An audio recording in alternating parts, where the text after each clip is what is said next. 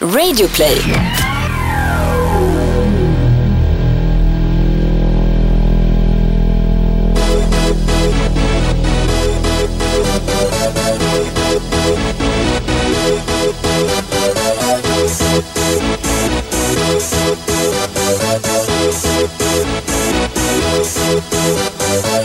Y'all ready for this?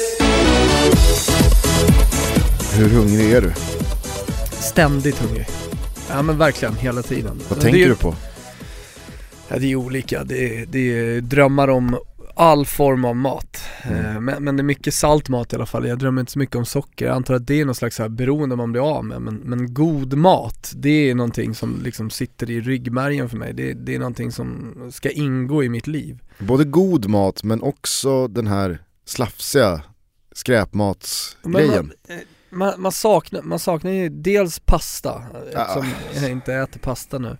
Och sen saknar jag så jävla mycket också den feta maten. Alltså jag känner att jag äter inget fett. Jag måste, min kropp, min hjärna, allting måste ha fett. Så om det blir lite sluddrigt, om det blir lite slirigt det här avsnittet så, så förstår ni varför. Vasskampen är ju inne på upploppet här nu och det börjar ju märkas mentalt. Vi satt ju smsade varandra igår och Ja. bara teasade varandra i alkohol och skräpmat. Exakt. Helena säger det också, min tjej. Hon, hon säger, fan kan det inte vara slut det där bara? Hon, ty- hon tycker att det är, det är osunt, hälsosamt mitt levande just nu. Fast när du kommer ut ur duschen så kan hon ju inte vara så jävla missnöjd.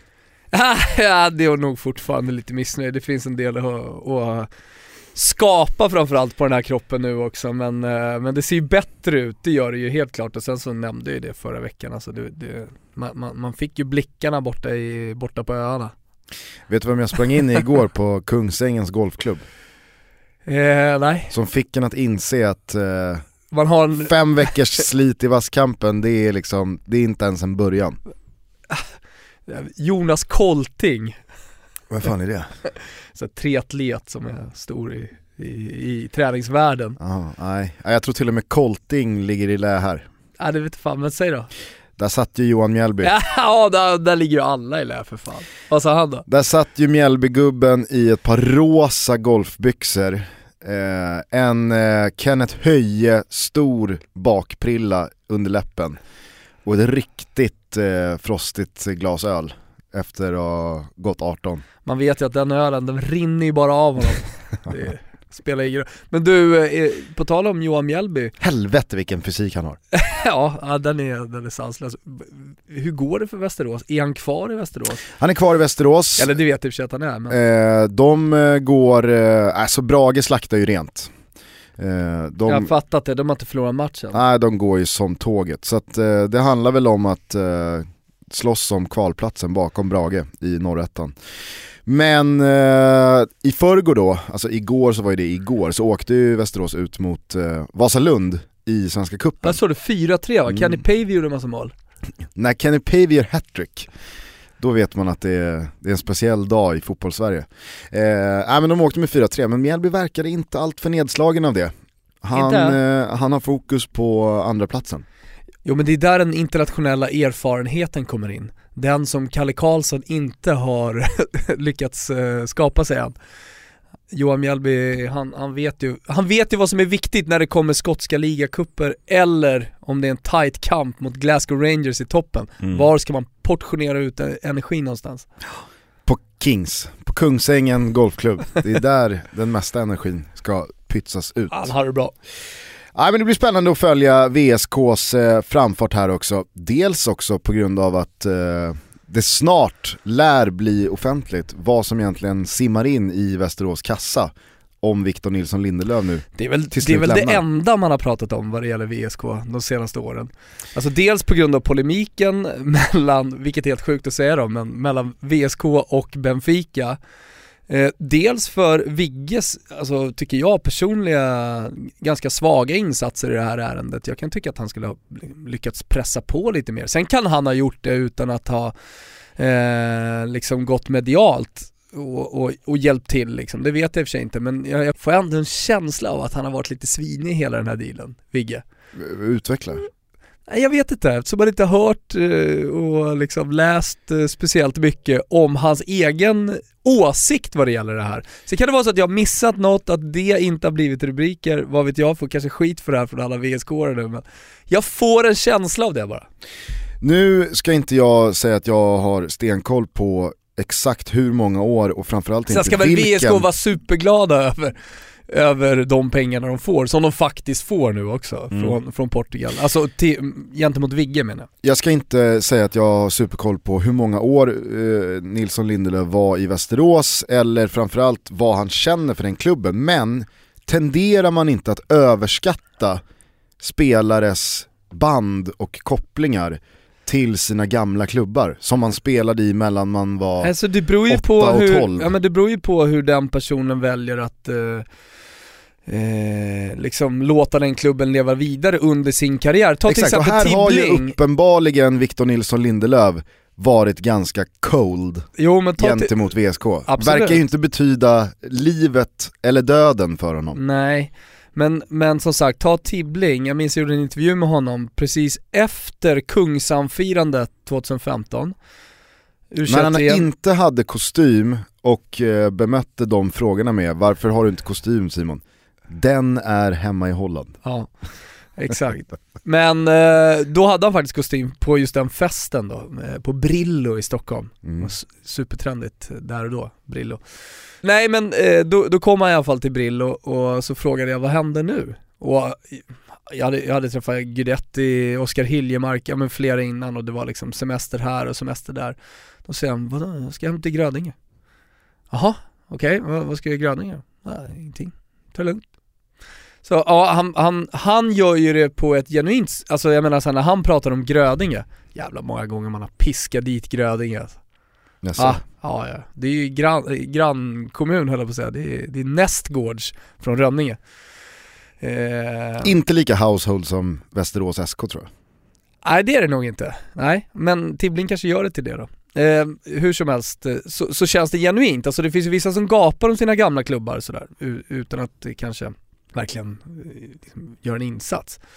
Men eh, det har ju med hans personlighet att göra. Att, Mm. han, att han, han vill ju bara hem, han vill inte vara ute i stora världen och hålla på. Han vill ju sitta på en epa-traktor och liksom, åka, åka hem till polaren. Dricka Coca-Cola och, Ruskig epa-aura. Ja, Fast inte köra själv. Åka med någon som Nej, men- kör den. Nej men så här, folk som kommer från Grödinge, jag känner ju folk från Grödinge, det är ju precis som Rönninge. Folk frågar vad jag är, de hör min dialekt och ja, jag är från Stockholm. Men alltså, jag vet inte ens om, eh, det kan ha varit så att eh, Tibbling var första gången i Stockholm när han kom hem till Kungsan. efter, eh, efter U21-EM-guldet. Det kan mycket väl ha varit så att han rullade in där i den där stora bussen för första gången. För, för det, det, det, är, det är ändå så far away liksom. Men, men det tillhör Storstockholm. Samtidigt så spelade han ju ett par år i Djurgården. Även på stadion. Jo, jo, jo. Annars så brukar det väl vara Lasse Granqvist eh, brukar göra det i sändning och eh, Texas Johansson brukar göra det på Twitter. Halmstads gamla vänsterback. Eh, att eh, de alltid gör en stor grej av landslagsspelares moderklubbar. Så brukar man ställa upp då, eh, Texas brukar twittra ut en startelva med vilka moderklubbar som har fått med spelarna i eh, landslagselvan och Lasse Granqvist brukar göra det i samband med slutvissla eller eh, vad det nu kan vara, Mm. inför matchstart. Och det finns ju någonting i det där med att man lyfter alla spelares mindre klubbar, men det kan också vara, jag, jag, jag tror verkligen att det skiljer sig från fall till fall, spelare, relation till klubb och så spelare relation till klubb. Jag menar det finns de som har spelat i sin klubb från att man är fem bast till man då är 17 och går vidare till ett superettanlag eller allsvenskt lag eller lämnar Sverige. Och så finns det ju de som har hattat runt Ja. mellan olika klubbar. Jo, speciellt eh, talanger. Alltså, man vet ju hur det funkar nu med alla akademier. Om, om du bara tar eh, Stockholm idag, för jag antar att Atletico och AFC fortfarande är, är kvar som ungdomsakademi i, i norra stan. Än så länge va? Ja precis, och då har du AIK, du har akademi i AFC, du har akademi i Djurgården, Bayern, du har Stockholm Södra som är en ny akademiförening med, med anställda tränare och så vidare som, som man kan gå till. Alltså det, möjligheterna om du är duktig i ett, eh, i en mindre klubb, typ Grödinge, är ju mycket större. Plus att det, det, det är nästan, det är mycket mer kutym idag. Alltså fotbollen har gått den riktningen. Att bara du är 10 år och bäst i laget, ja men då, då, då kan du ta klivet över till en akademi. Mm. Och då undrar man ju hur mycket ska man claima som klubb en spelare som spelade i ens förening när de var 10 bast? Jag kan säga så här, eh, när, när jag pratar med 10-åringars föräldrar, eh, med de 10-åringarna som lämnar, så får ju deras föräldrar och även barnen en del skit för att de lämnar klubben så tidigt. Eh, för att ofta så är det också så att man spelar i ett ganska bra lag som har helt okej okay chans i de här svåra, extra svåra serierna, alltså mot, mot akademiklubbarna. Och så lämnar då en av de, en av de bättre spelarna, då, då, då märks ju det direkt och det påverkar hela laget. Jag tycker att man ska inte kunna claima någonting, i stort sett. För, förutsatt att eh, man inte gör någonting då eh, framöver, alltså man blir jättestor och man, man eh, gör en insats verkligen för sin klubb. Ja men man kan säga så här, nu är jag inne på Victor Nilsson Lindelöfs... Ja, förlåt, men är inte det supervanligt? Eh, att, eh, att man, alltså idag, om man kollar, 90, spelarna födda på 90-talet, att de oavsett moderklubb i något läge i tidig ålder har gått då till en akademi. Jo det är absolut. Vad har du på Vigge då? Nej men då, då, läser jag bara. Som ung spelade han för klubbarna IK Franke, Västerås IK och Västerås SK. Ja du ser. Varför är det ingen som tar Frankes strid här? Eller IKs strid? Alltså jag tar Frankes strid vilken dag som helst. Ge mig en jävla bajonett bara vet du, så går jag ut och ställer mig i första led. Cash till Franke. Var, Fan alltså... Franke ens fått? Sen så är det väl klart att eh, det, det, det är ju någon slags alltså, skillnad fotbollsutbildningen, på... Fotbollsutbildningen, vad fick Adi Franke av eh, eh, Tottes morsa som, som var tränare? Är du med? Mm. Det är någonstans här någon slags utbildningsbidrag eller?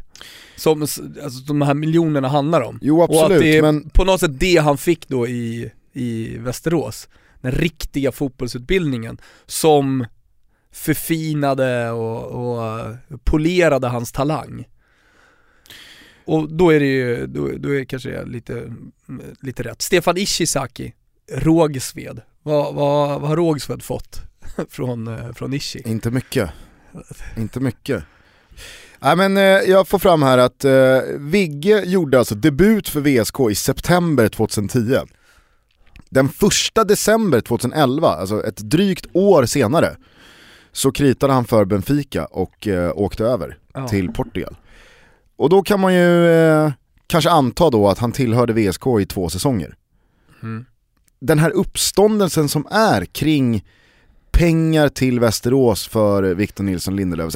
Juridiskt sett har de säkert rätt, där har de säkert på fötterna att eh, claima alla de miljoner och procentsatser som, eh, som de ska. Men det känns lite som att de snarare utnyttjar systemet än att de är rädda att eh, de inte ska få vad de förtjänar för stadens store son och klubbens liksom, ikoniska spelare.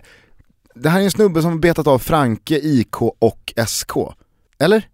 jo, kanske det. det kanske är därför, ändå, det kanske är därför Victor Nilsson Lindelöf själv hans, ja. i den här soppan har hållit en ganska låg profil. Du ifrågasatte och, och undrade, har inte Vigge varit lite svinig här? Han kanske snarare är inne på det spåret jag försöker landa i här. Att han, han känner inte så jävla glada. mycket för VSK. Det, han skiter väl i vart det landar lite pengar. Han gjorde två säsonger i grönvitt, randigt, och sen gick han vidare med livet. Mm. Det är ju då skillnad kanske på en Albin Ekdal som sattes i BP's fotbollsskola när han var 4-5 år får man väl anta. Favoriserades tidigt av Tommy Söderström, ungdomsansvarig under både 80 och 90-tal. Det var ju eh, aldrig någon fråga om vart han skulle spela, det var ju aldrig snack om Engby till exempel för nej, nej. Och så, så gick han genom alla ungdomsled hela vägen upp i A-laget, debuterade med BP i Allsvenskan 2007, gjorde väl ett år till och sen så stack han två veckor efter studenten. Mm. Nej, absolut. Jo. Å andra sidan har man ju inte sett BP, fast där kanske det har flyttat på smärtfritt. Man har ju inte sett någon slags eh, girighet från BP, att vi har inte fått pengarna vi förtjänar men där handlar det väl snarare om att eh, Albin har huserat i Cagliari och Siena. Dels det, alltså inga jättestora Och gått som free transfer till, eh, Hamburg. De, de har säkert fått vad de ska ha också men sen, sen har Det är ju... inte 300 milla till United. Nej, men ja, Albin Ekdal har ju alltid intervjuer och sånt också, alltid varit en Bromma-son. Sen är det ju speciellt att ha varit fostrad i ett av de bästa ungdomslagen som någonsin har huserat på en fotbollsplan eh, om, om, vi tar, om vi tar svenska eh, lag. Alltså jag menar, hans BP Dream Team som han spelade i 89 var ju så sanslöst bra. De förlorade, han kan väl räkna förluster under hela hans ungdomskarriär på en hand. Liksom. De, är, de var ju sanslösa, jag kommer ihåg när jag var nere och träffade honom i Cagliari när han berättade eh, detaljerat om liksom, vad de vann. Det var liksom, äh, men vi, de åkte bara till Gotia och vann skiten. Åkte igen till Gotia, vann skiten. Inbjudningsturneringar, det kunde vara Ajax, kunde vara i Mönchengladbach, spelar liksom ingen roll. De bara sopa mattan av precis allt. Ja. Och så kollar man på det. det. laget och vilka som hade vilka som sedermera lyckades, då var det ju, det, det, det blir ju inte så många det blir professionella fotbollsspelare av, trots att de som lag är så otroligt bra. Som han sa, det fanns flera som var bättre än mig under de här åren. Men det är liksom brorsorna Albornoz, du har eh, eh, di, ja, din polare Nordfeldt i mål. Ja men det ska Och- man komma ihåg att Kribben. Kristoffer Nordfeldt, han stod inte i något eh, BP1 under ungdomsåren. Han blev alltså målvakt, han var, en, han var en riktigt dålig forward i BP's andra lag fram tills han var 14. Sen så känner han, äh, det, det vart no, jo, de hade två stycken målvakter, en av dem eh, var med eh, och eh, han kom aldrig riktigt tillbaks efter, efter gallningen eh, i AIK Okej. och lämnade fotbollen och sen så fanns det en kille till som hette Gabriel, målvakt. Mm. Eh, han åkte på hjärtfel, Mm. så att han fick också lägga av. Mm. Hux flux så står BP där utan keeprar.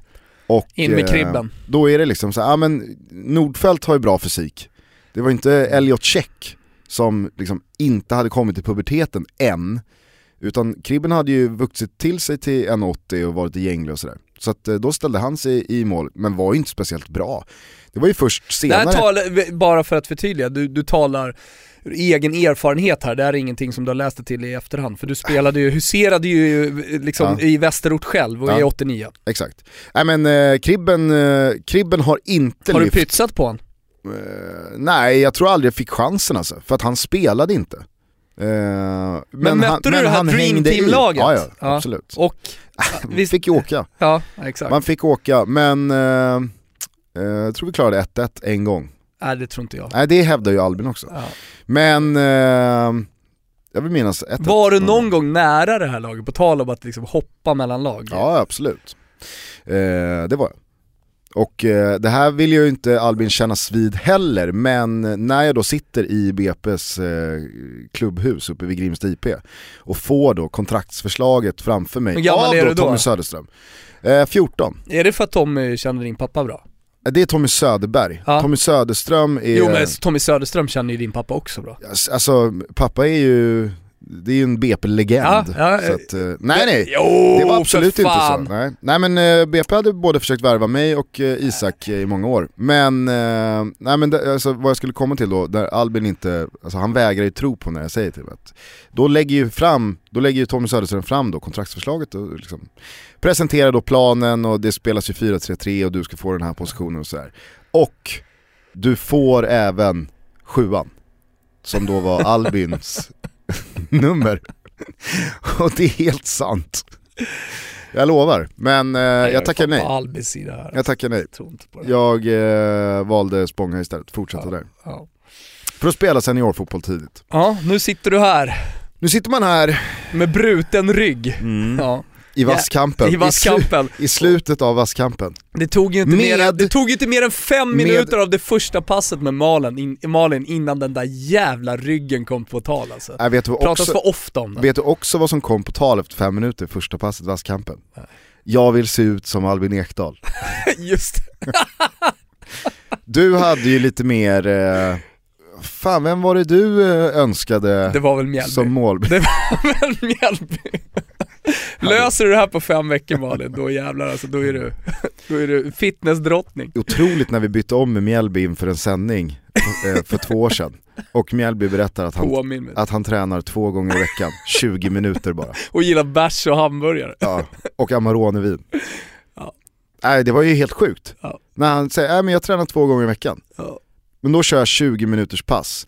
Riktigt hårt. ja, man vill inte veta hur de där 20 minuterna ser ut alltså. Uh.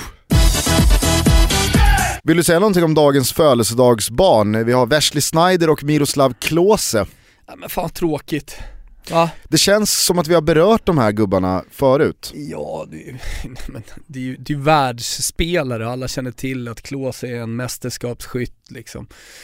Eh, ja men eh, det- var så kort tid sedan han spelade på högsta nivån eh, och Wesley Schneider har vi ju har vi berört i, i samband med Guldbollen. Eh, diskussioner, eh, hans 2010-säsong om att han Liksom att han idag fortfarande spelar för det holländska landslaget. Vi får se om den nya förbundskaptenen Den För nygamla. den nygamla förbundskaptenen Holland, du kan väl påminna alla vem det är? Ja, det är Dick Advokat har fått jobbet för tredje gången. Jajamensan. Dicken. Ja. eh, om, om han står lika högt i kurs då eh, för honom, men man, man misstänker att det gör han ju, eller hur? Ja, jag tror inte att eh, Wesley sen- Snyder var allt för missnöjd med att Dick Advokat tog över. Nej men sen är det lite sådär, det är inte läge att göra en generationsväxling kanske mitt i kvalet utan man förlitar sig på eh, dels då att stärka någon slags gruppdynamik och då finns det naturliga ledare i omklädningsrummet och sen erfarenhet i de här stora matcherna. Ah, Wesley Snyder, in Mm. i central position som en nummer 10. Det är väl det vi får förvänta oss. Och det kanske är bra då, eftersom vi går en, eh, en eh, jävla tuff kamp mot just Holland. Många pratar ju om den här Frankrike-matchen som spelas ikväll, vi, vi gör ju det här fredag morgon, som eh, en nyckelmatch. Och det, det, det är klart, jag menar vinner vi mot Frankrike, ja då kan vi börja prata om gruppsegen och ta oss direkt till, eh, till VM utan kval. Men gör vi det inte, ja men då är det ju såklart den här matchen som man går och väntar på, borta mot Holland, som kommer bli eh, med största sannolikhet helt avgörande. Du har eh, räknat bort Bulgarien. Alltså jag vet att de är där, men jag, jag, tror i slutändan att de inte kommer hålla. Eh, jag, jag, Eh, jag, först, alltså, jag tyckte de var så oerhört dåliga mot Sverige. Exakt, exakt. Alltså jag, jag, jag håller i Bulgarien idag, även om de har liksom samlat ihop en hel del poäng och de gjorde ju en, en bra match mot Holland hemma också. Det blev mycket mål, det blev 3-2 i slutändan, någonting sånt. Men eh, så, så håller jag dem, eller jag, jag får känslan när jag hör Bulgarien som fotbollslandslag, så tänker jag på typ Moldavien. Alltså de länderna nu för tiden. Ja, de har ju verkligen lämnat eh, tiden med Stiljan Petrov och Berbatov och alltså, de alltså åren här- är ju försvunna. Ja du, du, I höstas pratar- när Bulgarien kom till Friends, man känner ju inte igen en enda spelare och deras förbundskapten såg ju suicidal ut. Ja. Han såg ut att hata varenda sekund av livet. Mm. Jo men så här, som VM 94-runkare så, så minns man ju det laget. Alltså självklart med Stoichkov i, i spetsen, men alltså då hade man ju en, en världsstjärna som en av de bästa i Europa. Och så Lechkov. Ja, så Letchkov och sen så tyvärr då, Rest in Peace, eh, Trifon Ivanov Mm. som, eh, ja, ba- bara man såg honom blev man ju rädd. Få spelare har sett så härjad ut Ja, som Ivanov. Gick ju bort här för något år sedan va? Ja, tyvärr. Det var väl någon Det är väl han som ramlar i bronsmatchen Mot när eh, Larsson. Henrik Larsson eh, rullar in Han den är och en, ja, Ja, men det är väl- fastnar med dobbarna liksom. exakt, Århundrade. studsar på knät. Ser ut, att- ut att göra otroligt Ja. ont. tror Bulgarien i något läge här för några år sedan menade på att Sverige hade, hade köpt den matchen eller sådär. Mm. Eller att, att bulgarerna hade lagt sig för någon Jag slags tror spel. snarare det var så. Ja det kanske var så då. För det avslöjar inte, det fanns ju i eh, 94-landslaget, alltså Offside har ju gjort ett långt dokument om VM Mm. 94 som är helt fantastiskt, jag har läst det säkert 15 gånger. Då finns ju Moose-klubben, Lasse Eriksson, Thomas Brolin, Claes Ingesson och Anders Limpar.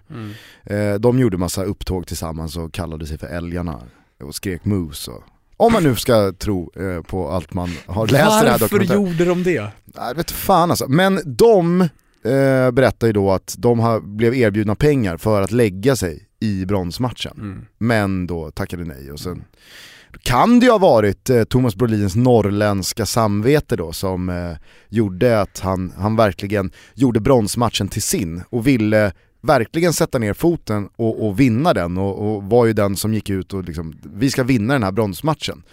Eh, kanske då för att inte så några misstankar mot att han eventuellt har varit inblandad i någon mutskandal. Ja. Innan vi går vidare bara med Bulgarien och VM-kvalet, alltså såg du eh, Thomas Brolins Instagram Ja. under Jo, nationaldagen? jag såg att du la ut den också. Eh, Jag, jag försökte ju skicka den vidare till Full Kid Wankers. Ja, jag, jag vet. De, de, eh, konstigt att de ändå inte nappar på den, det är ju en eh, premiumbild för dem att använda. Eller? Ja, eller så vittnar det om exakt hur länge sedan Thomas Brolin verkade i England och hur dålig han var Ja. i England. Att eh, det är inte ens värt att plocka upp att Thomas eh, Brolin går full kit wanker Parma. Men som sagt, jag eh, är helt med dig, även fast Holland ligger två poäng bakom Bulgarien så känns det som att eh, Holland eh, i andra halvan här av kvalspelet är en mycket större kombatant gentemot Sverige än vad Bulgarien är. Och det är väl klart att oavsett hur det går ikväll, nu tror inte jag att Sverige vinner, men oavsett hur det går ikväll så tror jag att Frankrike kommer vinna den här gruppen ganska bekvämt till slut. Och då kommer ju såklart andra platsen stå mellan Sverige och Holland. Eh, vad tror du om startelvan? Vad som har läckt ut från träningen? Ja. Det är ju i alla fall att det blir Guidetti och Berg på topp. Nej, Expressen avslöjar nu på morgonen att det inte blir Guidetti. Och när Expressen avslöjar startelver, då vet man ju varifrån det kommer. Ja, det är fan kärnan i det där landslaget. T-korsningen Sundsvall. Ja, någonstans känns det som det i alla fall. Men, eh, men eh, avslöjandet är i alla fall att, eh, att Guidetti inte spelar. Jag har inte ens klickat mig in på artikeln för att kolla vem vi då avslöjar. Då men jag göra det. misstänker att, vi kan, vi kan väl göra det, vi går in på Expressen här nu. Eh, och jag misstänker Gusten, om jag inte har helt fel här, så är det byline Daniel Kristoffersson va? Borde vara det. Skrällvalet Guidetti petas mot Frankrike. Byline Petter Landén. På träningen i alla fall så matchades eh, John Guidetti med eh, Marcus Berg på topp. Men om vi ska tro eh, Expressens avslöjande här nu under morgonen så verkar det av allt att döma bli Ola Toivonen istället för John Guidetti på topp. Utöver det så tror jag att det blir väldigt mycket samma lika i det vi har vant oss vid.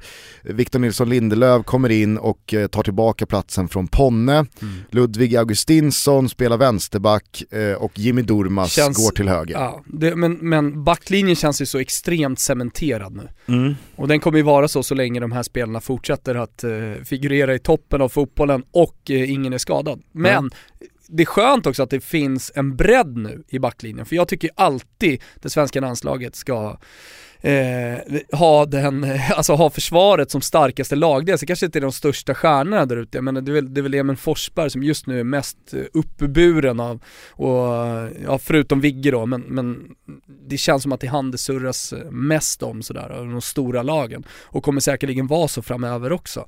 Men, men jag tycker att det, det är backlinjen, ett svenskt landslag ska bygga på en stark jävla fyrbackslinje.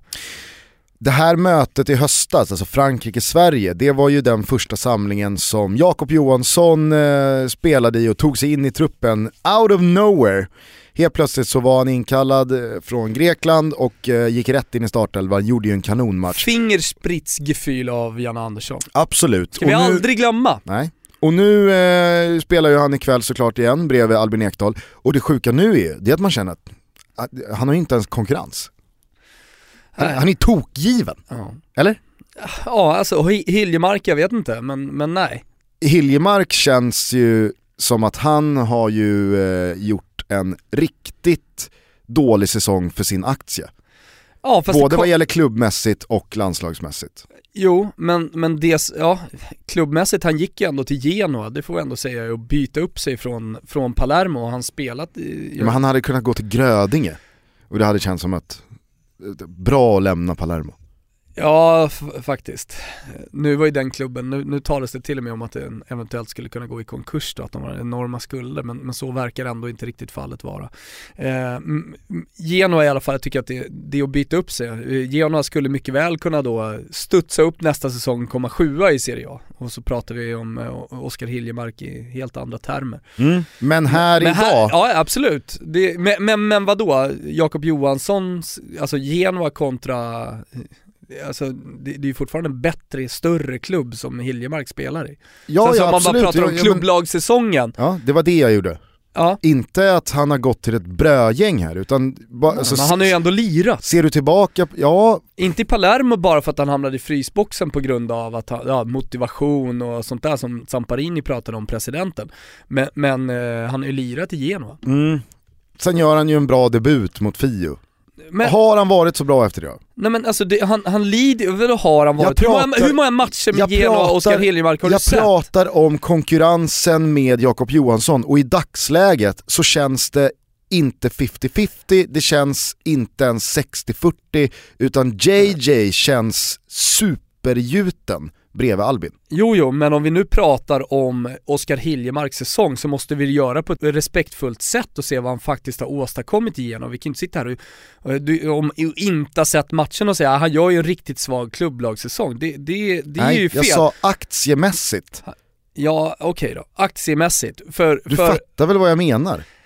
så här. Aktiemässigt är ju på grund av att ingen har kollat på Genoa, på grund av att Genoa gör en, en helt osynlig säsong. Men aktiemässigt i klubblaget, vad gör Jakob Johansson som har stärkt honom gentemot Oskar Hiljemark under den här våren?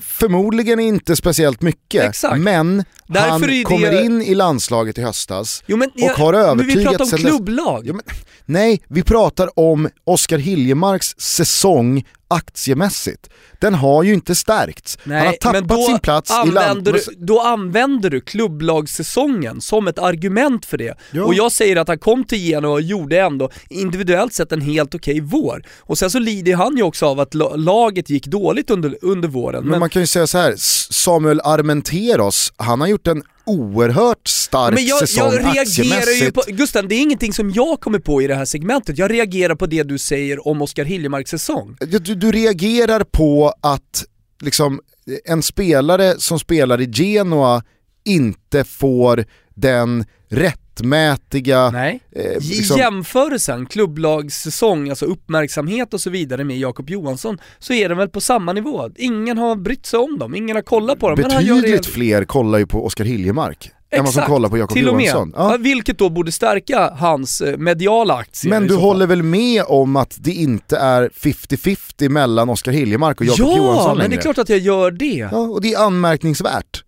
Ja. Oskar Hiljemark lyfte för mindre än två år sedan som lagkapten U21-EM U21-EM-guldet. Men Han- det är ju snarare i så fall skulle jag säga det, eh, alltså då tar vi bort egentligen hur den här klubblagssäsongen har sett ut. Eh, För då tror jag ändå Janne Andersson är nöjd med det han har sett av Oskar under, under våren. Eh, och, och så lyfter vi bara in positions, alltså rollspelandet. Vad vill han ha in? Jo men han vill ha in en Jakob Johansson snarare än en Oskar Hiljemark. Det är det det handlar om här och det är därför det inte är 50-50 längre.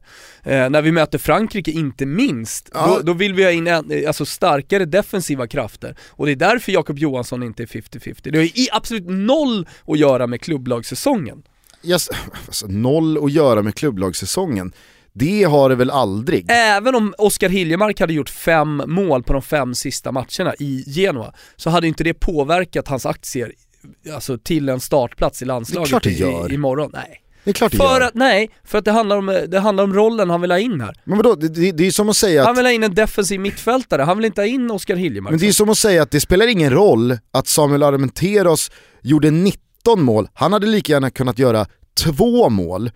Det, det handlar inte om hur många mål han gör för Nej, att vara landslagsaktuell. Nej, det är inte alls samma. Det är inte alls samma. Det, Det är handlar väl absolut om, inte det, är- samma. Alltså så här, hur bra För- du är, nej, hur bra... nej, nej, nej, nej, nej. så- så Vänta- det- vänta här så nu, finns det vänta spelare- här nu, Gustav. Nu, nu är det jag som pratar. Nej, det är Det finns ju fan inte för du Det har... finns ju spelare som har en sån, eh, de- de har en ohotad plats i landslaget och förbundskaptenen i fråga, om det nu är Janne Andersson eller om det är Erik Hamrén eller om det var Lasse Lagerbäck, som litar på sina spelare och vet att det här det här kommer gå även fast den här spelaren inte gör det speciellt bra eller ens får chansen att göra det speciellt bra i sitt klubblag för tillfället. Men sen så finns det ju spelare som absolut styrs av hur det går i klubben i hur man ses på i landslaget och hur mycket speltid man får i landslaget. Nej. Nej, däremot, du, du pratar om Nej, äpplen, okej. eh, du pratar, det, det är äpplen och päron här Gusten.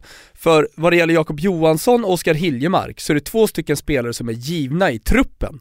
Så där är det redan hundraprocentigt, båda två är med i truppen. Mm. Om inte hundraprocentigt så nära hundraprocentigt du kan komma, för Samuel Armenteros, om du tar det caset, det är någonting annat.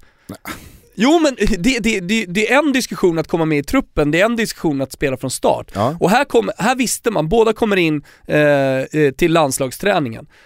Om Oskar Hillmark har gjort fem mål, om han har gjort tio mål eh, un, under våren, spelar ingen roll. För att här handlar det om att få in en defensiv mittfältare och då har inte Oskar Hiljemark en chans. Okej, och jag säger att Jakob Johansson var given från start även hemma mot Vitryssland senaste samlingen. Så att absolut finns det argument för att Jakob Johansson i en match mot Frankrike passar mycket bättre än en Oskar Hiljemark och då kan Oskar Hiljemark vara i superslag eller han kan vara under isen. Absolut. Men jag säger, och det jag har sagt från början är, att det som kändes som en överraskning och eh, out of nowhere valde jag att benämna det som. När Jakob Johansson kom in i truppen till förra samlingen i höstas när, när det stod Frankrike på schemat. Det som då kändes som att oj oj oj, här kör man över de redan befintliga centralfältarna, Jakob Johansson går rätt in i elvan, är ju idag inte ens en fråga om vem som ska spela bredvid Albin. Men däremot, däremot ska rätt vara rätt Ja, Gustav. men jag är, det är det helt som är det med dig, jag är helt med dig i frågan om Bra, att nej, punkt. form i Punkt. klubblag spelar inte speciellt Punkt. stor i svenska landslag. Men i fallet Jakob Johansson så tycker jag att det är anmärkningsvärt Ja, okej. att han, även fast man inte har sett en jävla fight med Ike, Mm. så är han given. Ciao tutti!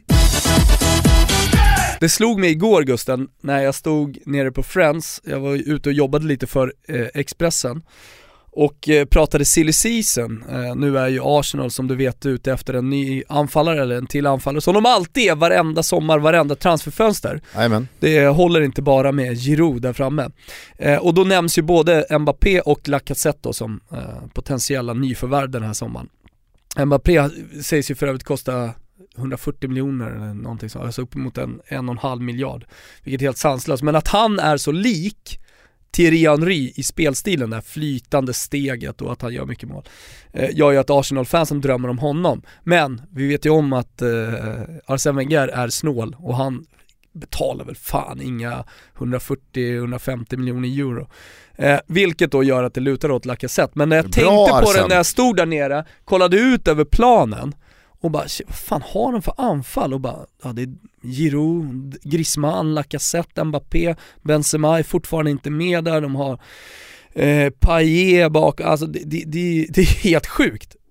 Alltså tänk, tänk om de bara skulle vilja vara lite crazy och bara, "Ja, men vi ställer upp med allihopa. Vi Ja, kör ändå Giroud, Griezmann, Lacazette. då har man ju råd att banna Karim Benzema från ett Ja, landslag. Ja. Så är, så är det ju ett anfall som borde göra fyra, fem mål på Sverige.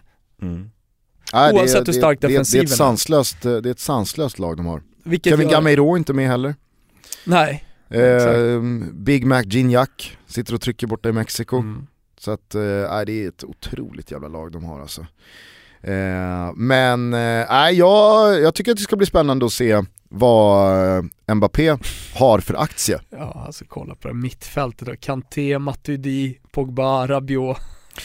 Nej, men, och låt oss bara då i Jakob Johansson-anda backa i franska termer till den eh, senaste matchen oss emellan. Alltså då var ju inte Kylian Mbappé ens på radarn Nej. för Deschamps att ta ut i truppen. Sen gör han den våren som förmodligen ingen har missat, alltså med succé i både Ligue 1 och eh, i Champions League. Eh, slutade väl på en 25 gjorda mål i alla turneringar, eh, allt som allt. Eh, och är ju idag med i landslagstruppen, det ska bli jävligt spännande att se vad han får, Hur han för, eh, utnyttjas. vad han får för roll. Om han eh, bara sitter och är med och tittar eller om han kanske rent av startar. Eller om han får sina 12 minuter för att få känna på det. Spoiler alert, jag såg igår att eh, mosaiken är förberedd. Jaså? Jajamän. Vad blir det idag då? Det blir en svensk flagga. Mm. Mm. De kör, eh, ja, en en svensk flagga runt hela arenan. Alltså mosaiken på Friends inför fullsatta landskamper är ju landslagsfotbollens motsvarighet till Barcelonas mosaik på Camp Nou inför Champions League-matcher. Men de lyckas väl ganska bra med den, gör de inte det? På de, på de fullsatta? Camp Nou ja. Ja på Camp Nou gör de ju alltid det. Ja men där blir ju liksom så här, det går inte att säga någonting om mosaikens täthet. Sen så kan du ju, likt man gjort många gånger senaste åren med Juventus hemmamatcher, ställa sig frågande till uppfinningsrikedomen, nytänkandet, eh, det är inte speciellt edgy, Nej. det som sen- sen Barcelona jag- eller Juventus Nej. håller på med tifomässigt. Eh, Sveriges mosaiktifon inför landskamper, det är så jävla dåligt. Det är så ruskigt kan det är inte så ruskigt svagt Jag kan alltså. inte minnas en. Ja men jag var ju på, jag var ju, alltså, säg, jag, jag trodde du skulle säga att de var bra, men Nej, jag kan inte nej. minnas en. alltså, jag var ju på plats Fast senast här. ingenting slår ju Juventus. Nej, nej. Alltså de, de, de, de måste ju, måste ju sparka ut hela den gruppen. Det är väl bara, fan anställ, gå, gå ut och anställ alltså, Vad var det de körde i Champions League-finalen? dem, eh, Var det Time for Heroes? var det i finalen? Ja, de kör, ja, ja, på Millennium så hade de ju musik också. Missade den alltså, och så Ja. kommit in senare. Ja, men det är svårt att läsa vad som står, det är det alltid när... Värst var ju inför, alltså semifinalen. Ja. Den var ju så sorglig alltså. Time for. Nej det var helt sjukt. Nej men jag var på plats senast här nu mot eh, Vitryssland. Och jag menar, eh, folkmängden finns ju. Problemet är ju bara att jag skulle uppskatta procentsatsen till vad, alltså de som vet vad man ska göra med ett mosaikark. Ja, Eh, alltså de som inte vet vad de ska göra med det. Till kanske 35% av de som är på matchen. Det blir ju bara pappersflygplan av allting. Det blir ju den stora grejen. De är livsfarliga de där jävla pappersflygplanen. kommer du ihåg det? Tunga, vassa ark Kommer du ihåg han kommer flygande. jo, jo men kommer du ihåg den som sulas från typ etage 3? Det, jag tror att det är en italiensk match, och sen seglar den bara Ja. ner och, och landar rätt i nacken med spetsen. Men fan det är, det är en stor match, Ja. vill jag minnas. En stor spelare, fan dåligt att uh, jag inte plockade. Nej men det var ju, alltså, det var ju förvisso en ganska Ah. avslagen andra halvlek efter att Sverige gör 3-0, men eh, jag vart- roliga jag vart ju provocerad av hur många som sitter på Friends Arena och sitter och tittar på kids som viker pappersflygplan och det blir liksom Nej, jag, när jag det går i backen. känner Liksom. ändå med dem. Nej, jag vet inte. Ja, nej, men det är väl härligt att eh, det finns ambitioner och att man vill någonting, men jag vågar nog lova att eh, vi kommer få se ett riktigt knapphändigt ett jag, tyckte, getingstifo jag, jag tyckte det kändes, jag tycker ju att mosaiktifona är bättre med less is more. Att det är ett tydligt budskap, att, att det är tight. Vet du vad? än att man ska försöka krångla till det. Sen, sen jag menar, är det, är det ett derby, ja men då ska man alltid bräcka varandra i svårighetsgrad och i utförande och så vidare. Det, det, men, men är det ett stadiontifo som, som organiserat centralt ifrån, ja, men då, då är det nog bäst att gå på Barcelona-spåret. Sen är ju det dessutom en läktare som tar in 90-95 tusen. Mm. Så det, det är klart att det, det gör en viss skillnad och det skapar andra möjligheter. Men de vet också vad de ska göra någonting. med arken. De vet att det är viktigt Japp. att hålla upp dem, för det första samtidigt, Ja. men också tätt bredvid varandra. Men det finns inte den rutinen på Friends Arena, det finns inte den rutinen i svensk landslagspublik. Därför, kör på det säkra kortet megaflaggan. Alla Juventus-supportrar i Turin måste gå någon slags crash course i hur man håller upp ett ark. Men he, håll med mig, megaflaggan är ju, det är ju the road to success här för Sjöstrand och förbundet. Ja. Vill de få till något tifo som i alla fall vi- liknar vilken någon slags ja, tifogrupp men ska göra den då? Kanske ska gå ihop då, äh, Stockholmsklubbarna? Eftersom vi ändå befinner oss i, i stan. Kommer, alltså nej det kommer aldrig, det skulle aldrig gå. Nej, Det skulle aldrig gå. Nej, för all, alla de är ju dessutom eh, helt ointresserade av landslagsfotboll. Ja. Megaflagga, investera i en megaflagga som vi kör varje hemmamatch nu. Fast med, det, I grejen, 20 år. Men grejen Jag vill med se en jävla megaflagga Jo. i 20 år här nu. Men grejen med megaflaggan är ju att den ska ju vara som Bayerns klassiska här för något år sedan eh, med, med eh, Götgatan och, och, och alltihopa, gubben som, som knallar, är, att den ska vara lite graffiti mode-mässig liksom. Ja ja, alltså det behöver ju inte, det behöver inte vara en svensk flagga eller Nej, bara... och vad ska, vad ska vi göra då då? Ska vi göra Slottskajen? Va? Ska vi göra en silhuett på Stockholm? För det, men då, då, då utesluter man resten av Sverige. Kanske ska göra då någon slags, eh, eh, på hela bortre långsidan, så kanske man ska göra no, någon, någon slags här från no, syd till nord då, där man får med alla stora monument från, från eh, alltså Götaland, Svealand, Norrland. Fast tyvärr så vet man att det hade slutat i det här jävla landet, om man nu får säga så. Det hade ju slutat i en diskussion med det som inte är med. Varför är inte det här med? Ja, men vad ska vara med dem? Toto Balutto får, får bestämma. Alltså vi är ju för Stockholmscentrerade mentalt. Vi får ju ofta kritik, Nej, jag är inte det. ofta kritik, men vissa brukar ju liksom säga, ja men det, det är lite för mycket Stockholm. Vi Vet du, håller inte med den Göteborg, kritiken. Gotia Tower kommer från Göteborg. Är det väldigt Stockholmscentrerat att säga det? Ja, absolut. Ja, jag, jag Turning säger torso. Askim havsbad. Ja, kanske. Eh, nej men eh, liksom, Höga Kusten-bron. Blir det mer, Stock- blir det mer Stockholmsdrygt? Ta med en bro. Det är Norrland. Vad är Norrland? Vad, är Norrland? Färjan till Gotland. Höga Kusten-bron.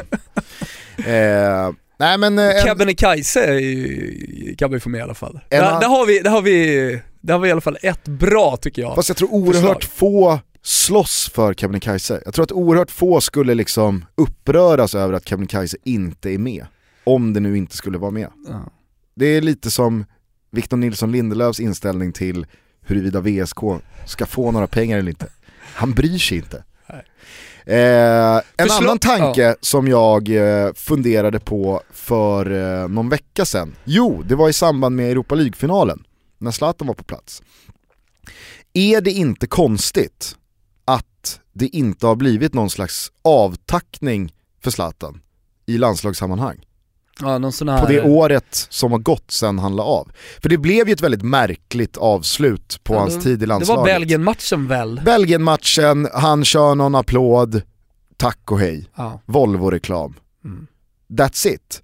Det har ändå varit fullsatta läktare ett par gånger på Friends Arena inför något VM-kval. Nu är han skadad, jag tänker liksom, fan borde man inte ha gjort någonting? Ja, men i stil med- Känns det, känns det inte, känns det inte, alltså om man, om man kollar på andra länder, alltså stora ikoner, de största ikonerna, de får ju oftast eh, någon slags avtackningsmatch, eh, alltså de, de, de hyllas precis som du säger, storslaget eh, på, i samband med en officiell match. Såg du bilderna Men från Michael ju- Carricks testimonial i helgen? Nej, Eh, Michael Carrick, varje spelare i Premier League får ju en testimonial, alltså en eh, hyllningsmatch där eh, jag tror spelaren själv får bestämma vad intäkterna från publiken ska gå till, om man nu inte vill ha dem själv. Det finns säkert någon gir, girig jävel som har tagit allt i egen ficka. Ja, men så får ju då spelaren som har gjort tio säsonger i en och samma klubb, han får plocka ihop ett motståndarlag och sen så får han spela med sitt dream team som han har spelat med då. Och det var väldigt roligt då för att i då, då valde Michael Carrick att möta Liverpool, tror jag. Nej, eller om det bara var någon så här Ja. Michael Carrick Stars. Eh, men han tog i alla fall med Gary Neville i sitt Dream Team United-lag och i motståndarlaget så fanns ju Jamie Carragher och de två är ju som ler och långhalm i Sky Studio eh, sen några år tillbaka. Och då, eh, har- du har inte sett klippet på när Jamie Carragher då tar sats från 15 meter och saftar en sån jävla sen glidtackling ja, men jag gillar på det. Gary Neville. Otroliga bilder. Och båda går ner tillsammans och man ser hur Jamie Carragher skrattar när Gary Neville faller och får Ja men sånt där gillar vi, så ska det vara. Ja det känns jävla svenskt. Eh, nu, nu, nu kommer man ofta dit och, och kallar saker och ting eh, svenska, jag vet, jag vet inte om det är det, just det här. Men det, känslan är i alla fall att det är väldigt svenskt att glömma bort då, den här typen av avtackningar. Vi har varit inne på det tidigare, att vi är dåliga på att hylla våra gamla legendarer. Eh, vi, vi är dåliga på att eh, lyfta fram och lyfta upp och liksom bära upp eh, de, de största spelarna som vi har. Eh, och, och det, det, känns också därför väldigt svenskt att bara säga, ja nu har du spelat din sista match och du, du har gjort allt, du har valt att tacka nej till landslaget. Då är det över Zlatan. Mm. Ja, nej men och sen så, på tal om det jag sa om att skulle man göra en megaflagga med massa härliga landmärken från, från Sverige på, så skulle det ju inte bli en diskussion eller en, ett samtal i Sverige om de grejerna som är med, utan det skulle bli en hetsk diskussion om grejerna som inte är med. Och mm. man skulle prata om diskriminering av, skulle... av län och landsbygd och så vidare och så vidare. Men det är samma sak här. Vad hände då när förbundet gjorde, eh, avkunnade att du ska få en staty Zlatan? Jo, det enda det handlar om är hur fel det är att det står en jävla staty av en Malmöspelare ja, i Solna utanför AIKs hemmaborg. Allt blir bara fel. Ja. Det, det, det, det, är märkligt att det inte går att göra mer ändå, rätt. På något sätt så gläder det mig ändå att det finns lokalpatriotism i det här landet också. Ja. Det finns någonting fint och vackert med lokalpatriotism, tycker jag. Absolut, men det blir ju också... Det ska gnabbas lite. Absolut. Det ska inte vara smärtfritt. Men när det hamnar i direkt kollisionskurs med själva då, vad ska man säga, nationalpatriotismen. Ja. Då blir det ju också som upplagt för magplask hela tiden. Ja. Till exempel en sån här jätteflagga som du har bollat upp. ja. En, en, en, en röd stuga med vita knutar. Det är... Men vad fan har vi då? En jävla IKEA-logga, det är väl det vi är mest kända för. Megaflagga på Per Frick. Zlatan i sig borde ju vara med på sån jävla mega. Ja, jag skulle säga det, sen sa jag inte det. Alltså jag tror inte, jag tror inte att Zlatan är speciellt långt ner på Nej, den listan. Men, då ska, men ska vi då landa i en siluett med tio gubbar, då blir det ju verkligen en diskussion. Snarare verkligen. än alltså med, med monumenten. Ja men säg att, eh, kommer du ihåg eh, det eh, tifot som Roma gjorde eh, inför ett Hela derby. 94-laget skulle ju ställa sig upp och säga varför inte jag med? Som hela, när Äpplet... Hela Moose-klubben. som när Äpplet hamnade långt ner på Expressens 100-lista, eller vad fan det nu var för lista. Över de största 200-listan kanske var största idrottsmännen någonsin i Sverige och han hamnade långt ner och han rasade. Det var väl så vi inledde eh, den här podden. Alltså första Just avsnittet ja, handlade om Äpplets raseri och jag trodde att han hade dött.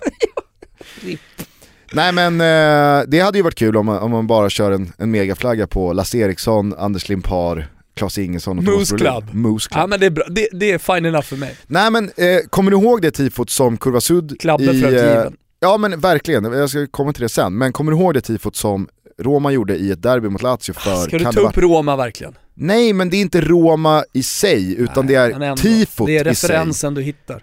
De Kör. gör ett mosaikhav och sen så kör de pinnflaggor, stora jävla pinnflaggor på de eh, 10, 11, 12 ja. största ikonerna i klubbens historia. Mm. Med bara en, en, ansiktsbild och namnet. Eh, en, ett, alltså, inte ett sånt tifo, det går inte att orkestrera Nej. Det hade, det hade blivit katastrof. Jag ser ingenting! Har man där bakifrån. Ta ner! Varför pratar alla göteborgska? Jag vet inte. Eh, jag trodde jag pratade närkedialekt, det gjorde jag kanske inte. Nej det gjorde du inte. Det var som Johanna Frändéns norrländska. Kim, ska vi klippa in Johanna Frändéns norrländska? Sämsta norrländska jag hört. Men de har ett jävla självförtroende och det där smittar också av sig. Alltså någonstans så tolkar man ofta det som att de kanske är bra eller det här är en oslipad mm. diamant. Du vet den där typen av ord som man inte riktigt använder om tjejer som kommer in och är lite nervösa och säger nej jag vet inte om jag kan åka ensam på det, jag vill gärna ha med mig någon. Och, ja, alla de där grejerna liksom. Mm. Som var jag när jag skulle åka på mitt första, det var någon allsvensk match, Djurgården, jag vet inte vad, Djurgården-Gävle säger vi. Kan du åka på den Frändén? Sa någon, en chef då, och, som inte såg med ögonen och inte visste vad jag hette förnamn. Var det där din norrländska? Uh, ja, det, var, det här var någon form av... Uh, ja, det... Be om ursäkt. jag sa inte att jag behärskade det språket när vi gick igenom. Nej. Nej. En megaflagga på de, störst, de tio största landslagsprofilerna i svensk historia, någonsin. Vilka är med då? Ja men du har ju Kurre Hamrin, alltså man går bakifrån, Grenoli, eh, alltså frågan är var man ställer den här Alltså, vet, Simonsson Gren- och Selmosson och... Grenoli, Agnes Simonsson och Kurre Hamrin. 50% av platserna är borta. Ja det är sant. Och så Och så vill man inte att det ska. Ralf Edström, eh, vi har... Eh, Kan, på tal om liksom klimatet Glenström. i eh, Sverige, kan Ralf ha bränt sig själv? Kan Ralf ha twittrat bort sig från nej, den här jag flaggan? tror fan inte det alltså. Tror inte det? Glenn Strömberg, Kondomer, har... kondomer åt de nyanlända. Var Ja. det nådastöten för Ralf Edströms nuna på den här eh, megaflaggan? Jag vet inte, ska det vara tio stycken så kommer det bli, som sagt, det kommer bli polemik. Glenn Hysén, Glenn Hysén känns supergiven. ja, han gör väl det. Sex getingar, bara det. Ja. Matchen där. Eh, nej men det är jättemånga. Det finns ju några självklara från modern tid. Vem Också hade tagit Brolin, mest, vem hade tagit Larsson, mest Zlatan. illa upp om man inte hade fått vara med? Nej, Äpplet. Nej men Patrik, vem, vem är Patrik Andersson, inom fotbollen? Ja. Patrik Andersson känns ju absolut som en spelare som själv ser sig som given på den flaggan. Men som inte hade han tagit sig given. in på flaggan och som hade rasat fullständigt. Ja. Medialt skruvat upp det till växel 5. Olof Mellberg kommer med men inte Patrik Andersson. Mellberg hade inte heller Men- kommit med. Mellberg, mm, säg inte det. Alltså Mel, Mellberg har ju också en look som är roligare att ha med på en flagga, med sitt skägg. Mm. Man kan göra mer med, med Mellberg. Patrik Andersson har ju alltså hundraprocentigt ett, ett utseende som, alltså sju av tio skulle inte se att det är Patrik Andersson på flaggan. Vem är det där? Exakt. Ja, det är ju Bjerre. Han har fått eh, Djurgårds eh, kritik. Djurgårds-overheaden har varit Ja. framme. Nej. Om det var tre stycken eh, Stockholmsklubbars tifogruppper som hade gjort den här flaggan så hade ju folk sagt att det var Djurgården som gjorde Patrik Andersson. Från modern tid, alltså låt oss säga... Låt Anders Svensson, flest Nej. landskamper. nej, det vet, alltså jag vet inte fan. Hade han satt snurrfinten däremot, Exakt. då hade han varit med. Hade han avgjort mot Senegal Ja. så vi hade varit... Och då, är- då är det ju som jag då hade hade sagt, inte du och jag suttit här. då hade vi vunnit mot Turkiet, då hade vi varit i semifinal. Ah, då Mm. kanske vi till och med hade gått till final. Exakt. Nej men emot. Visst, Anders Svensson har ju ett otroligt starkt kort att spela ut Ja. i att han är mästerlandslagsman. Exakt. Men jag skulle ju säga att från eh, 2000-tal, Zlatan, Henrik Larsson, Fredrik Ljungberg, Ja. är ju, de är ju närmare in på flaggan Ja. än vad eh, Anders är. Ja. Kim Källström. Isaksson, Nej. Isaksson inte en chans, ja eller? Jag tror inte det. Alltså Ravelli, ty, alltså du, du, Isaksson är ju mycket bättre målvakt. Nej men vi, jag tror att vi Ro- låter... Ronny Hellström är ju den eh, målvakt som är närmst in på flaggan. Känslan. Alla har ju en soft spot för Ronny. Du, Mustaschen är också Ja, jävligt det. så här, flaggvänlig och Ja. tidsera markörvänlig. Ja, så är det. Nej men eh, från, från 94-gänget då. Nej men, eh, Klabbe, Klabbe är ju, och, och, och- och det, det är väl, alltså så här, låt oss inte hymla om det. Där har ju hans tragiska bortgång väldigt mycket med att göra. Såklart. Alltså så här, det, det är ju därför man känner att han, han ska med. Klabbe kan man inte ta bort bara Nej. i ett sånt här läge. Och, och det kan jag tycka är helt rätt också på något konstigt sätt. Mm. Eller? Ja, det, framförallt så är det ju alltså så här, att hedra honom.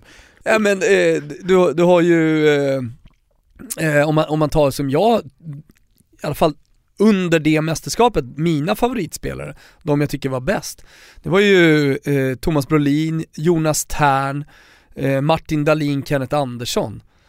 Eh, men om man, om man då ska verkligen lyfta fram några, så, men Thomas Brolin är ju den som kommer med i världslaget. Alltså jag tycker inte ens, trots räddningarna, att Ravelli ens är nära. Nej.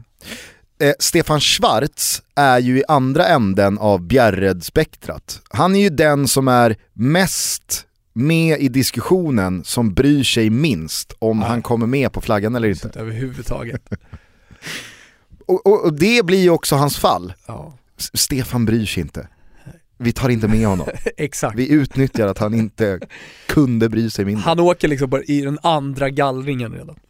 Från 80-talet är det ju det blir ju, det blir ju tyvärr tufft då med tanke på de skrala framgångarna i, i mästerskapen. Ja. Men, men eh, jag kan ju ändå tycka att Glenn Strömberg ligger bra till och där pratar vi återigen då flaggmaterial med kalufsen. Men Glenn Hysén är ju också 80-tal. Glenn Strömberg har ju, han är Har du sett att han har sparat extra nu? Alltså, jag mötte Glenn Strömberg i, i stan här för några dagar sedan. Han ser ut som en pirat. Är han i stan? Ja, i Varför var han sitter han inte i I studion? måndags var han det. han har ju lovat att höra av Det är ju sig. du som sköter kontakten. Ja. Eh, men nej, han var i stan, fladdrigare hår än någonsin, han ser ut som en pirat. Oerhört flaggkompatibel. För då skulle man ju också ta hans, eh, alltså du skulle ju ta avbilden av Glenn från 85 Jo, men du liksom. kan ju När han är skäggig, Jo, långt hår. Men du kan ju nästan lika gärna ta den från nu. det blir nästan coolare. Kanske att man i utkanten av flaggan har Henrik Strömblad, halva Henrik Strömblad med liksom handen och micken in och Glenn står och gastar med händerna, yvigt hår. Det är liksom Och sen en höger stor pratbubbla bara över alltihopa. I ett läte. Ja, nej men eh, sen börjar det ju svaja för en själv. Jag ja, menar, men jag Torbjörn inte... Nilsson, de, de här... Torbjörn Nilsson har ju alldeles för kast landslagsfacit för att ens vara i närheten av eh, det här. Det får vi inte glömma bort, utan det, det ska vara prestationer i landslaget. Mm. Vilket, vilket gör några av de här 90, 90, 1958-lirarna då givna också, till exempel Kurre. Och Oskar. Hiljemark. Bara det. För att kom ihåg, det har ingenting att göra med hur det har gått klubblagsmässigt här, utan det är Nej. bara landslagsmässigt. Så att kanske Ja. har Hiljemark där Ja. att göra. Eh, nej men jag ska nog eh, grunna på det här och eh, precis eh, Ska som... du Eh, presentera den här flaggan? nej men jag ska nog presentera vilka jag hade haft med. Okej. Eh, Flaggmaterial, och då blir det ju så här, ja men ska vi pissa på vår historia eller ska vi bara vara ärliga mot oss själva? Kan man ha 50% av förhistoriska fotbollsspelare som Dinosaurer. allegedly var jävligt bra? Jag vet också att Grenoli, Nacka, alltså du vet ska du ha Kurre Hamrin, Nacka, Agne Simonsson och Grenoli? Det är sex pers. Nackas, eh, tyvärr han ryker alltså. Alltså, Nacka är ju mer flaggkompatibel än eh, Gunnar Gren. alltså. Hur många landskamper gjorde Nacka? Vem känner igen Gunnar Gren? Jag har ingen aning, men hur många gjorde han? Agnes Simonsson, det är ju... Det är ju... Rada upp tio gubbar i en konfrontation. Jag sätter ju inte, jag sätter ju inte Agnes Simonsson eller Gunnar Gren. Ja. Det skulle jag inte göra. Vi får sträcka ut en hand till dem, August, eh, August, eh, August eh, Spångberg och vad heter alla? Tim Pang, jag vet inte vilka det är som är de här tifogrupperna. Nu, nu tar jag upp några, några av profilerna där. Skicka ut en hand, hjälp oss med det här då. Mm. Äh, det vore otroligt. Jag ska grunna på vilka tio jag hade haft med på min flagga. Eh, och så kan ju ni göra detsamma. Så kan det bli lite som med vårens lag här efter förra avsnittet. Det vart ju en hetsk diskussion. Eh, det är kul när vi, när vi diskuterar.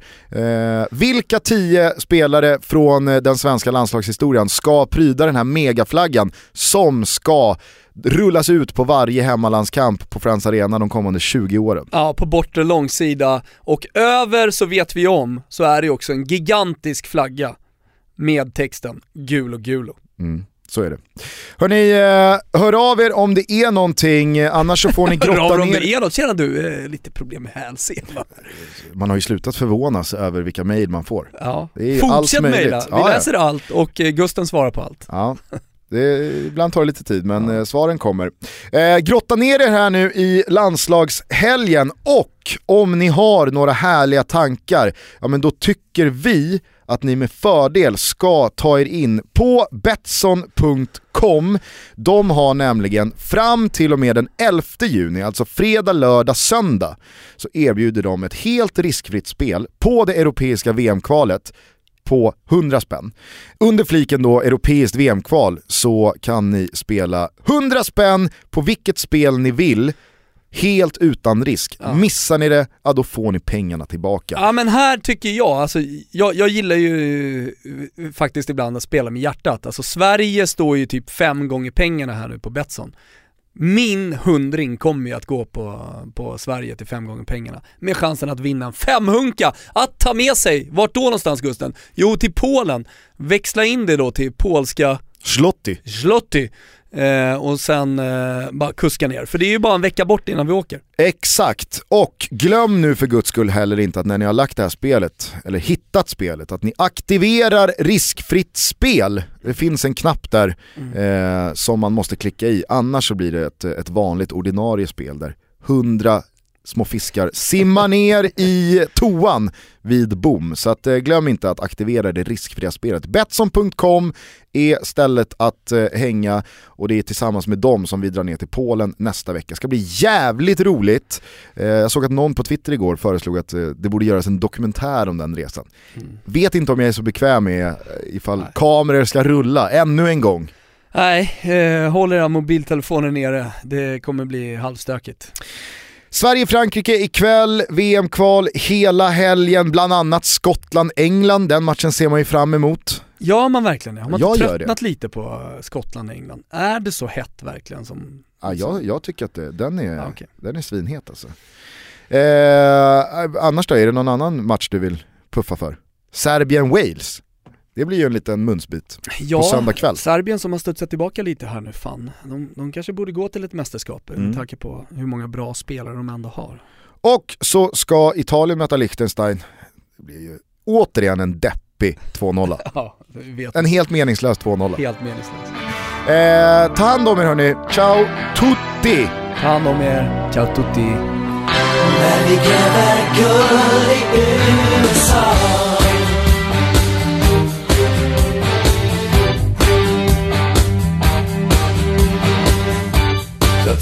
Vi har sprungit tusen mil Så kommer vi springa tusen till. Vi har en röst som kallar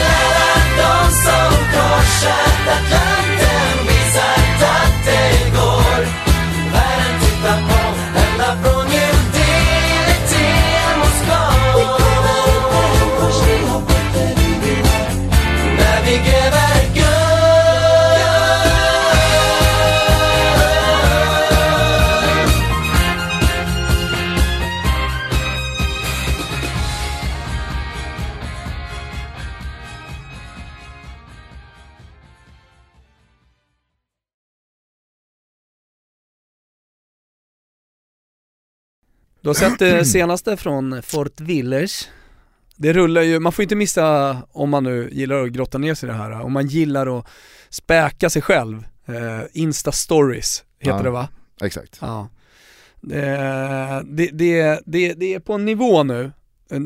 Har du sett när han badar i poolen också med sina två barn? Alltså varför ska man ens lägga ut det? Och Pami står och skriker Amori! Ma quanto belle siete! Man har lust att bara... Mm. Eller hur? Ja. Han var lust. Nej, det... Nej, jag, jag, Och man, det, det, jag det blir man vet ledsen. att det är ju Jag blir ledsen när jag ser hans flöde.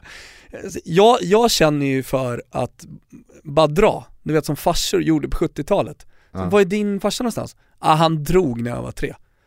Jag känner liksom för att lämna familjelivet och bara bli punk, dra ner till helikopterplankan med en punkdunk. Det är vad jag känner för.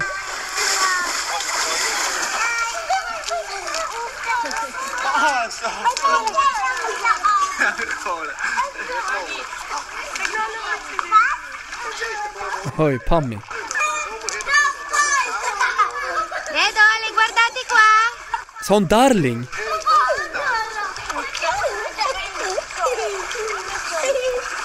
Det hade ju bara varit för bra ifall Mimmo också hade haft simpuffar. Hon försöker få en instabild här nu från detta fantastiska, magiska ögonblick. Guardate qua, kolla hit! Så det här lägger man inte upp.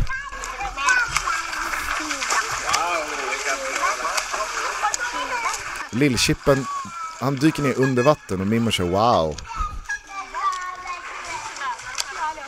Jävla vaniljribba det är. Wow. Men hade det inte varit kul ifall Mimmo också hade haft eh, simpuffar? En klar? Nej nej, tuffa på. Alltså, längden också. 58 sekunder.